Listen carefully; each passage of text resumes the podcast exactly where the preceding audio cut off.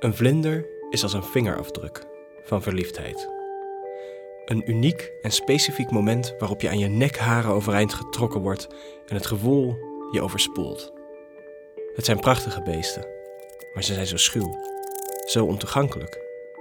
Zelfs het mens waarbinnen de vlinder huishoudt, lijkt soms blind voor diens bestaan. Spijtig. In een poging hier verandering in te brengen, nodig ik mensen en hun vlinders uit bij mij in de studio. Daar gaan we in gesprek en maak ik na afloop een audioportret van de vlinder. Voor mijn collectie. En als memento voor mijn gasten. Ik loop richting de deur en zo op het allerlaatste moment glipt zij zo voor mij en steekt ze haar hand uit en zegt ze: Ik ben Marielle. En toen dacht ik: Yes. Een van de dingen die hij deed was, dan zei hij iets.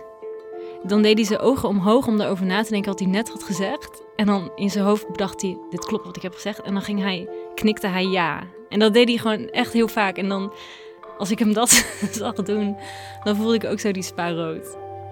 Als hij gaat spelen, dan is hij gewoon niet meer hier. En zo puur en eerlijk met zichzelf. Dat is zo mooi om te zien en zo aantrekkelijk ook. Dat ik daar elke keer opnieuw denk van wow, wie ben jij? Mijn naam is Sid Zeno Duit en dit is Vlinders. Beschikbaar vanaf 11 mei op alle platforms.